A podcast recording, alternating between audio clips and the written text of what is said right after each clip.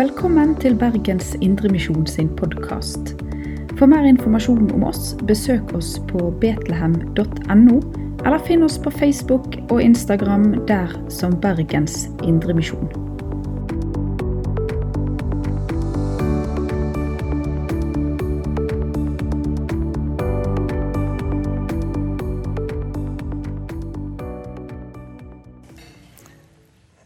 Der kommer det, ja. Eh, God søndag til alle sammen. Det er flott å få være sammen igjen. Og i dag skal fokuset vårt være på andre. De jeg skal fokusere veldig mye på i dag, de holder faktisk på med sin gudstjeneste nå. De holder på å avslutte, de har en halvtime igjen på sin to timers lange gudstjeneste. Så vi kan tenke på det. Vi er der i sammen med dem på noen av bildene vi ser i begynnelsen. Um, Birgitte sa i uh, åpningen i dag, det var det hun begynte med, vi har en tro som tåler livet. Har du ei tro som tåler ditt liv?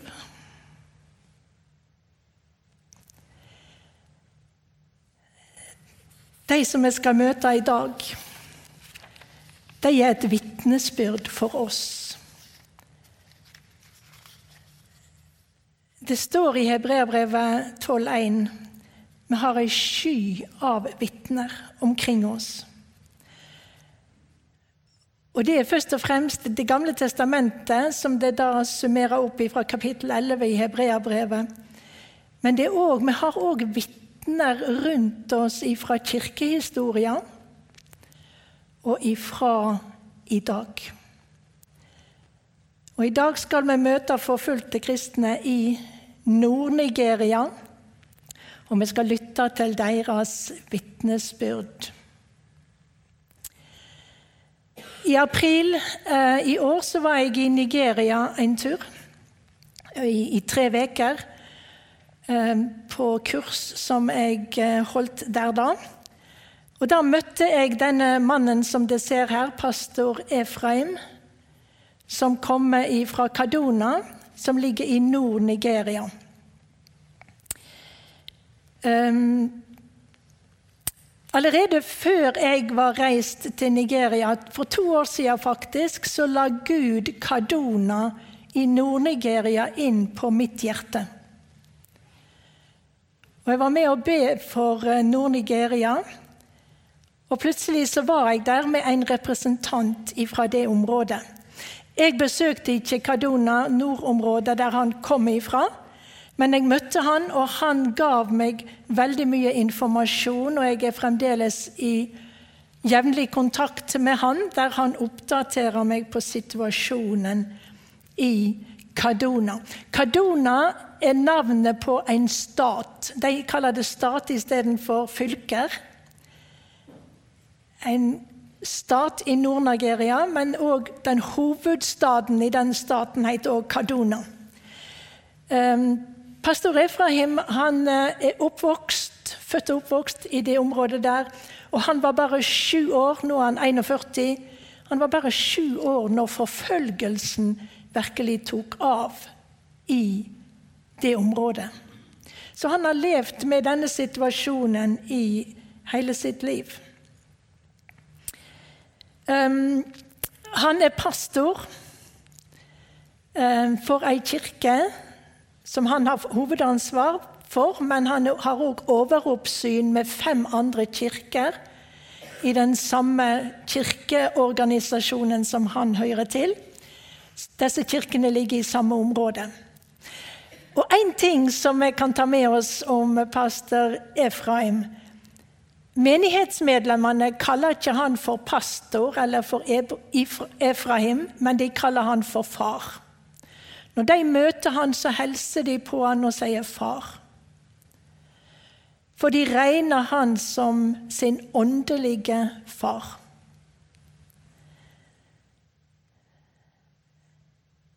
Kadona ligger eh, helt i nord. Skal vi se om vi får ting til å virke her, da. Um, det ligger her, den blå der.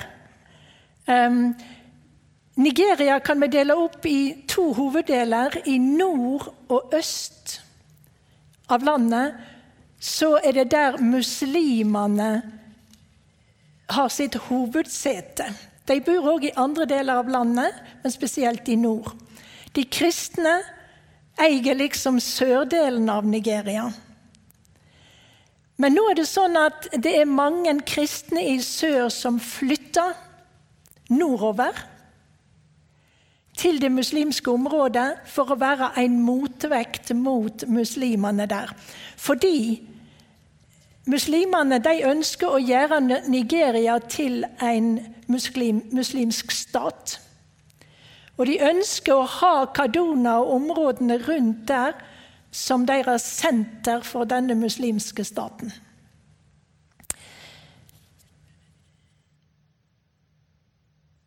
Det er mye fattige i nord. De rike bor i øst og i vest. Dette er et litt gammelt bilde, ca. tre år gammelt bilde av pastor Efraim og hans familie. Kona og deres fire sønner. De er alle oppkledd i eh, tradisjonelle klær her. De er fra Hausa-stammen. Hausa-stammen er den største etniske gruppa i Afrika. Det er ingen andre som er større enn Hausa-stammen, så det er en stor stamme. De har fire gutter. Fire, 9, 13 og 14 år. Og de bor inne på kirketomten. Og hele kirketomten er mura inne av sikkerhet for de som bor der. Så pastor Efraim og familien bor der. En annen prest i denne menigheten han òg bor der med sin familie, og så er det kirka. Når du ser på disse guttene her, så skal du vite det De bruker mesteparten av sitt sin fritid i heimen. De blir henta, de blir kjørt til skolen, de blir henta på skolen. Og resten av dagen er de stort sett inne. De kan gå ut på kirketomten og leke litt der, og være litt der, men ellers så er de inne. De kan ikke gå ut i nærmiljøet rundt der de bor. Det er ikke trygt for dem. I går, for første gang, så var de tre eldste av disse guttene med sine foreldre inn til byen. Da kjørte de inn til byen, for de måtte inn og handle inn sko og sportsutstyr. I morgen begynner skolen igjen, og da måtte de ha guttene med. Det var første gangen de hadde vært i byen. Byen er ikke langt unna, men de tar ikke med seg barna i byen, for det er ikke trygt. Hver morgen klokka seks så er de oppe, denne familien, der de deler Guds ord i sammen, der de ber i sammen for dagen.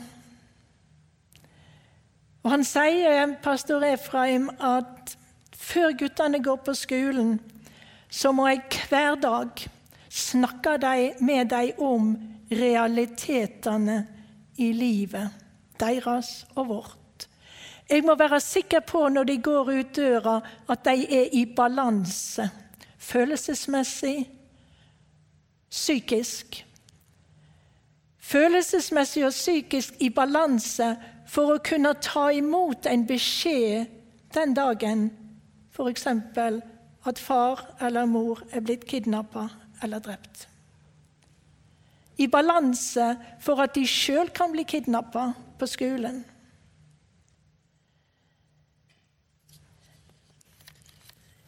Efraim sier, pastor Efraim sier at um, det er bare ei tynn linje mellom liv og død her hos oss. Men, sier han, Gud er vår trygghet. Gud er vår trygghet. Dette er kirka som er hans, som er der like bortafor der de bor. De har gudstjenester, to gudstjenester på søndag, ei gudstjeneste på onsdag. Og på gudstjenestene så er de samla. De synger sammen. Han sier det at vi skulle så gjerne ha, ha kunnet hatt musikk òg, men vi synger, og så har vi noen trommer og litt sånn forskjellig. Han sier vi har et gammelt orgel, men det er så gammelt at det virker ikke lenger.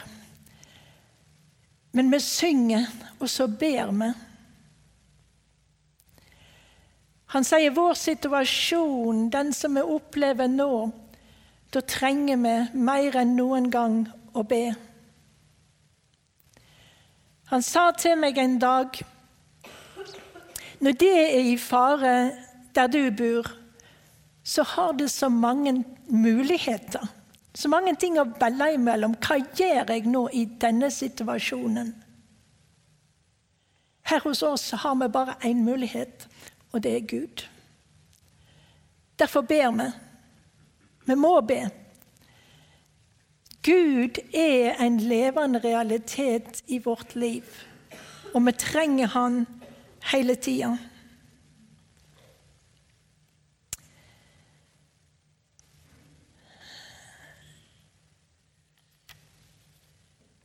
Disse seks kirkene som ligger egentlig under pastor Efraim sitt eh, ansvarsområde, samles ofte alle sammen til konferanser. Gjerne konferanser som varer fra onsdag til søndag. Det kan være ungdomskonferanser, det kan være korkonferanser. De har masse kor. Det kan være for kvinner, det kan være for menn. Mange forskjellige. De har òg en gang i året så har de vekkelseskonferanse. De hadde en i mai nå. Og jeg spurte pastor Efraim vekkelseskonferanse. Hvem er det som er målgruppa da? Da svarte han med en gang målgruppa er oss alle sammen. Oss prester, ledere, medlemmer. Han sa vi har så lett for å sløvnes og gli bort. Vi trenger å bli vekt opp igjen. Vekkelseskonferanser. Vi har kanskje ikke det så mye i Norge, i Betlehem, for oss, for forsamlingen. I mai, når de var samla, så var de samla i tre dager. Og de hadde tre tema, ett tema for hver samling. Det var mellom 900 og 1100 på hvert møte. Temaet for første dagen var fra åpenbaringen 1.7.: Sjå, han kjem med skyene.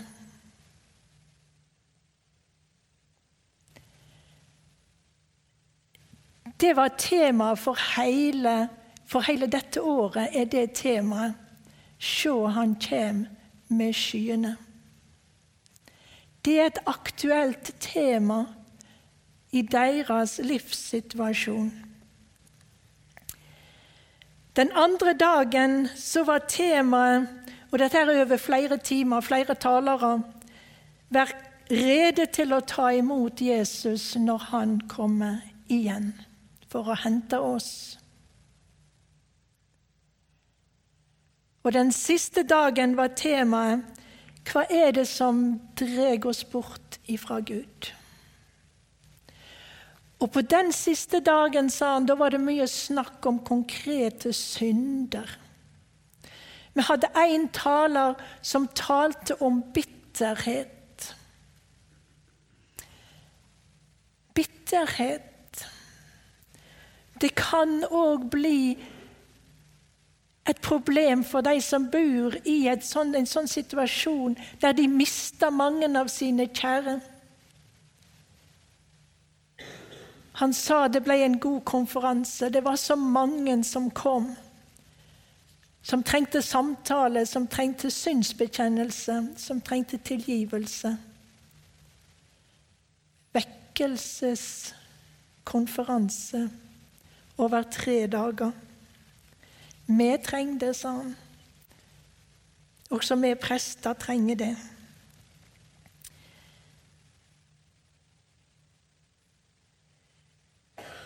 Det er I kirka som han har ansvaret for, så er det en 250-270 mennesker som kommer hver dag. Men det er Vanligvis i menighetene der så er det tre til fire ganger så mange kvinner som menn på møtene. Og hovedgrunnen til det, det er faktisk at det er så mange menn som blir drepte. Menn som prøver å forsvare og beskytte sin familie, drepe opprørerne når de kommer. Derfor er det mange menn, eller mange kvinner og mindre menn.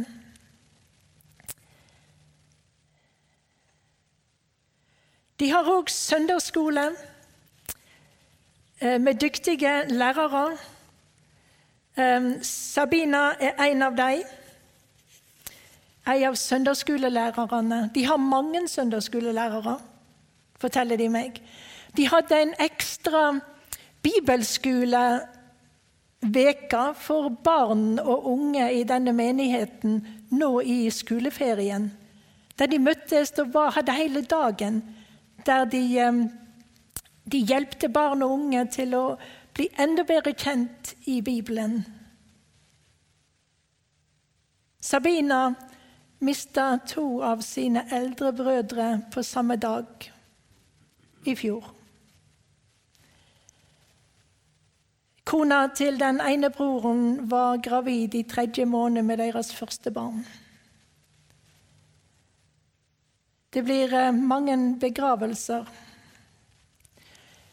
Ikke bare én og én, men òg mange.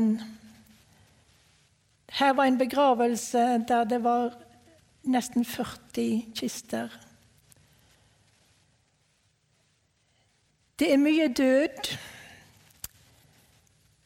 men troa tåler livet. De har en forankring hos Gud. Han sier det, pastor Efraim, at vi ber om beskyttelse. Og vi tror og opplever igjen og igjen at Gud gjør under, at vi blir beskytta. At politi som kommer for å søke etter spesielle folk, han sa En gang så satt vi i en forsamling, og vi visste når politiet kom inn det er to stykker, to menn de er ute etter nå. Og De to satt i forsamlingen.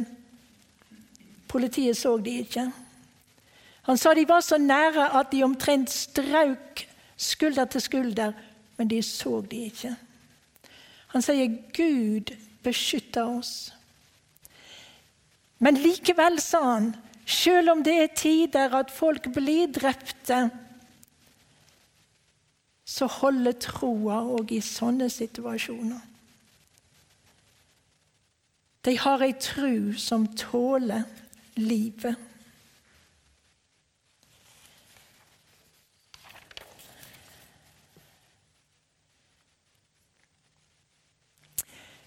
I denne menigheten på ca. 250-270 som kommer på gudstjenestene, så er det 59 enker. 59 enker i alle aldre. Slike som har mista sine menn i angrep. Han sier en del av disse enkene er så traumatiserte at de klarer ikke å fungere i samfunnet. Han sier det er så mye vondt som skjer i disse angrepene når de kommer. For Veldig ofte så angriper de på landsbygda. Og Det er så mye forferdelig som skjer når mennene skal prøve å ta vare på, på jorda si, på plassen der de har fedregravene sine. Så dreper ofte angriperne, og så voldtar de og mishandler de kvinner og unge jenter. Vi vet at det er sånn som følger med i slike ting. Og dette er realitetene. Han sa det at en av disse enkene de sitter faktisk sammen der. Hun i den røde overdelen, og bak henne der sitter enkene. Og Han sa det at det var en familie. En av disse enkene her, hun mista mannen sin. Han ble drept. Hun hadde tre ungdommer igjen hjemme, en gutt og to jenter. Og hun kom seg igjennom dette at mannen ble drept. Så ble en jente drept. Og mora var der for de andre to som var igjen. Men så ble sønnen drept. Da brøt mor i sammen. Da klarte hun ikke lenger. Pastor Efraim var i heimen der. Han blir ofte tilkalt når det er slike situasjoner. Når det er dødsfall, når det er drap, så blir han tilkalt. Og han var der, og han så mor. Og han så hun trenger hjelp. Så han tok henne med seg i bilen sin og kjørte til hovedkontoret for kirkene han snakka med henne ikke bare én gang, men igjen og igjen. Han fulgte henne opp til hun igjen kunne kjenne trøsta, Guds trøst, Guds fred i sitt liv. Og gleden kom tilbake.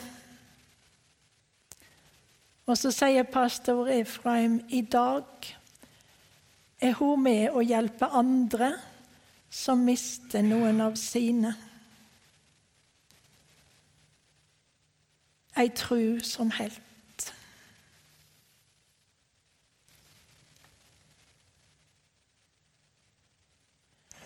Um, veldig kort om dette. Det er to hovedgrupper som er de største gruppene som angriper. Det er Boko Haram, som ble eh, starta på 1960-tallet. Og så er det da Folani-nomadene.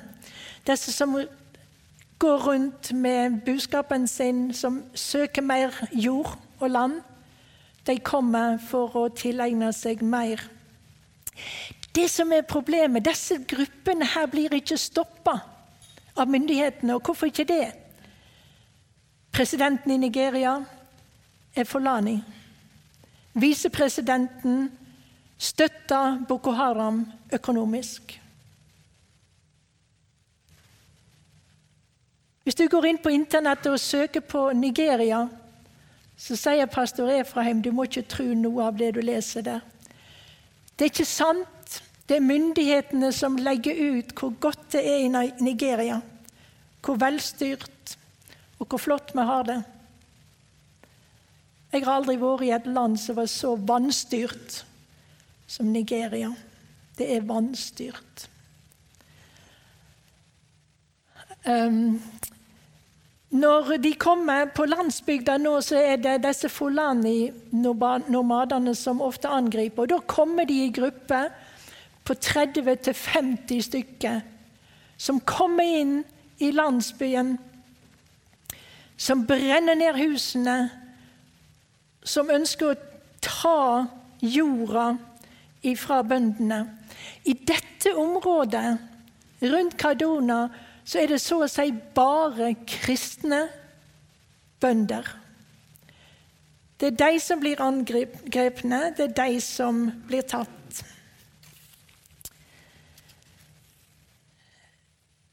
Han fortalte når vi traff hverandre i Nigeria, pastor Efraim og jeg, så fortalte han at ikke lenge før jeg kom her nå, så fikk jeg en telefon en dag.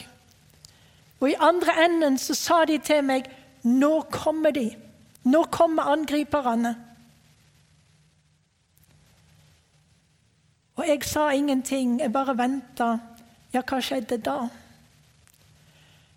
Da sa jeg til dem på, på telefonen Gud er med dere.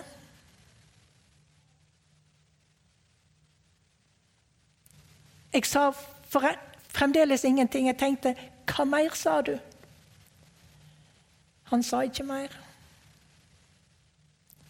Det er det som gjelder i slike situasjoner. Når livet prøves. Gud er med dere. Hva mer er det å si? Når Moses fikk beskjed av Gud han skulle gå til Egypt, til farao, så kjente Moses på svakheter og sa, 'Kan jeg gå? Kan jeg klare dette?' Og så sier Gud, 'Jeg er med deg'. Jeg er med deg.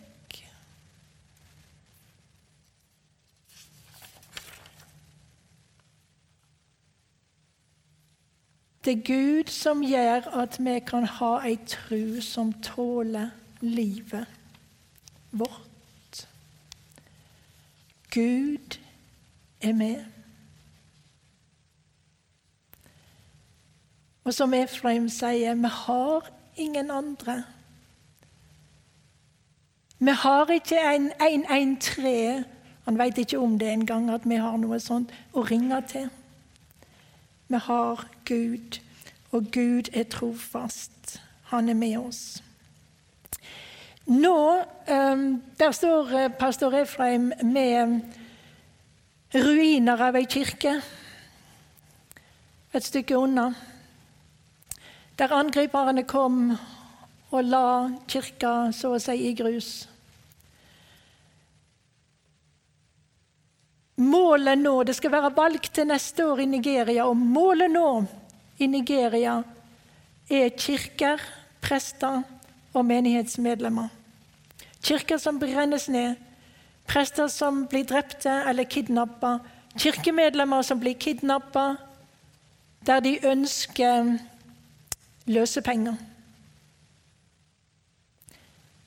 Like før jeg traff pastor Efraim, så eh, ble en av hans eldste drept.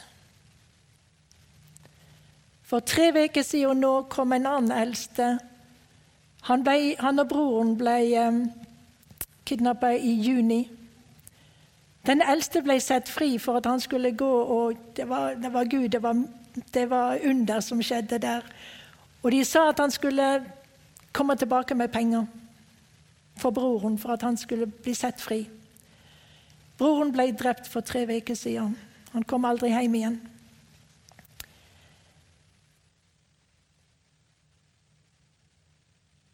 I gjennomsnitt nå sier de at de regner med gjennomsnittlig så langt i år er det 153 kristne som blir drept hver dag.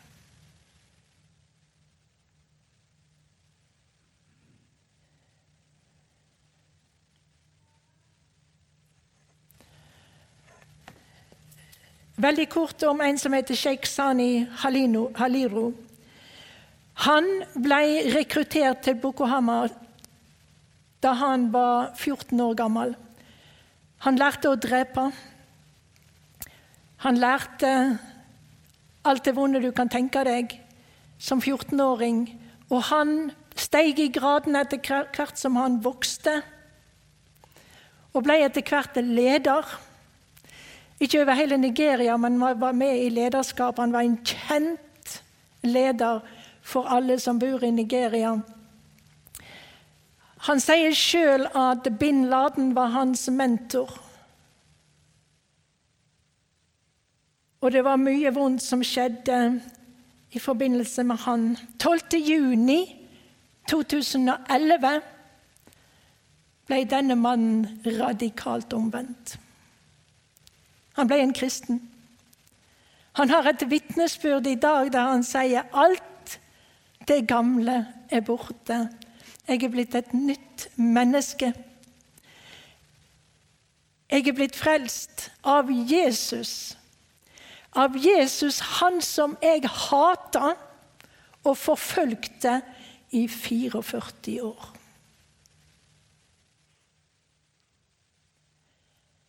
Gud arbeider på mange plan i Nigeria.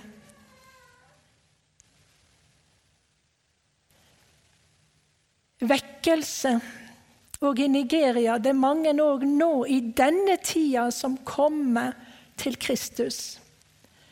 Det er masse konferanser her fra en kvinnekonferanse, og du ser de har konferanseklærne på seg. Dette er konferanseklærne for distriktet. De, var, de er samla en gang i året, og temaet for 2021 var akkurat det som ble lest her fra begynnelsen glede i lidelse. Dette er kona til pastor Efraim. Hun er nå på seg konferanseklærne for hele den nasjonale konferanse for kvinner. Kvinnekonferansene har enormt mye folk som kommer. Mannskonferansene har få. Ungdomskonferansene har forholdsvis mange, men det er kvinnene som har de fleste. Og Hvis dere ser godt etter, hvis dere har gode øyne, så vil dere se at det er, det er noen bibelord på hausa og på engelsk som står på, på klærne der til kvinnene. Og Det er fra Kolossabrevet 3, 24, der det står vi eh, tjener Herren Kristus.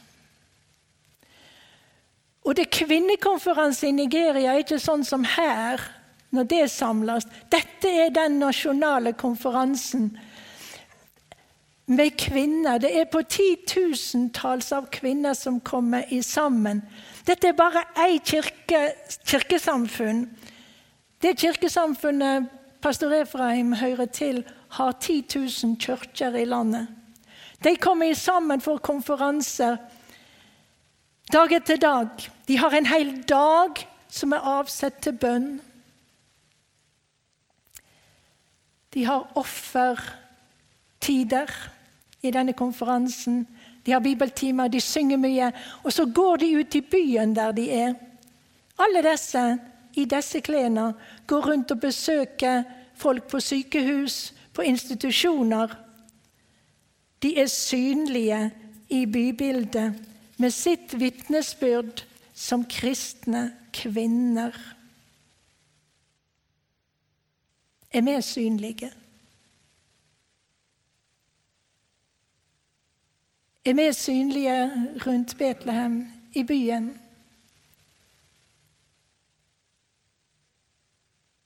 Eller glir vi bare inn i bildet med alle andre. Det siste bildet pastor Efraim og familien. Hvis han hadde vært her i dag, så hadde han helt sikkert sagt det er sant, det som ble sagt i begynnelsen her. Vi har ei tru som tåler livet. Gud er med oss. Det sier han veldig ofte, og så sier han Gud er trofast. Inntil i dag så har Gud vært trofast, og vi tror at han vil òg være trofast i dagene som ligger framfor. Og så sier han Han vet at jeg står her i dag. Han sa du må si til deg at vi trenger forbønn nå mer enn noen gang. La oss be. Kjære himmelske Far, vi takker deg for dette sterke vitnesbyrdet som vi får dele fra Nigeria. Vi takker deg, Herre, for at du har gitt dem ei tru på deg som tåler det livet de lever. Vi ber deg, Herre, for pastor Efraim. Vi ber deg for de mange andre prester rundt omkring, som folket ser til som sine åndelige ledere. Herre, må du få i din nåde få la de få forkynne ditt ord klart og rent, til trøst, til oppmuntring, til omvendelse. Herre, vi ber deg at du må få salve dem, at du må fylle dem med din ånd, slik at de kan utruste folket til å bli stående, stående på deg, klippa, når livet rundt deg er vanskelig. Herre, må du få velsigne din kirke i Nigeria. Må ditt rike komme. Må din vilje skje på jorda slik som i himmelen. Makta er di, æra er di, i all evig. Amen. Du har lytta til Bergens Indremisjon sin podkast. For mer informasjon om oss, besøk oss på betlehem.no, eller finn oss på Facebook og Instagram der som Bergens Indremisjon.